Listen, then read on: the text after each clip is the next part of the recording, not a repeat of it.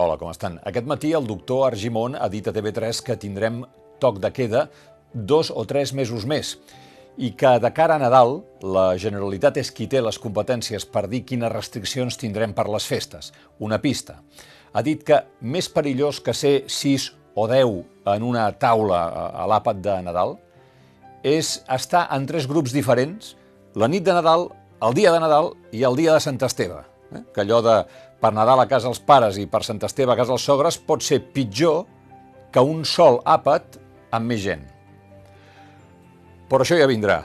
L'actualitat avui té una parada delicada. El Tribunal Suprem ha de veure avui el tercer grau penitenciari i l'aplicació de l'article 100.2 del reglament penitenciari, el que permet sortir a treballar, dels presos polítics. Com recordaran, el Suprem va anul·lar l'aplicació d'aquest article als nou presos, la Fiscalia va presentar recurs contra el tercer grau, un jutjat de vigilància penitenciària va suspendre el règim de sortides pels set presos de Lledoners que hi havien començat a, a anar a treballar i fins i tot hi havien concedit entrevistes.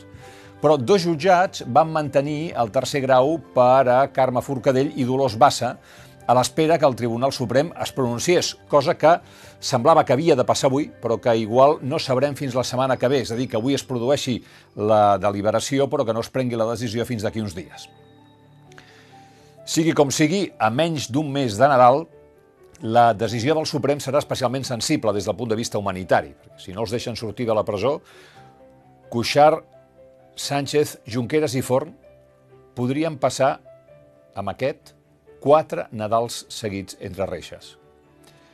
I aquesta duríssima circumstància pot ser el símbol de la resposta que l'Estat ha volgut que fos exemplaritzant, d'escarment, i per tant pot tenir més d'injustícia que de justícia, com tantes altres coses en tot aquest afer. És un moment estrany.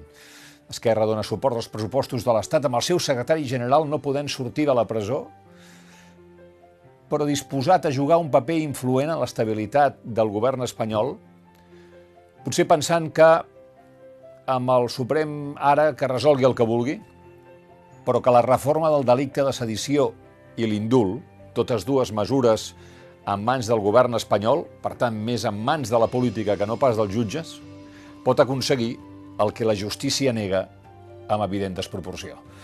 El nostre reconeixement pels que treballen a primera línia, un record pels que pateixen, pels presos polítics, pels exiliats i que tinguem un bon dia.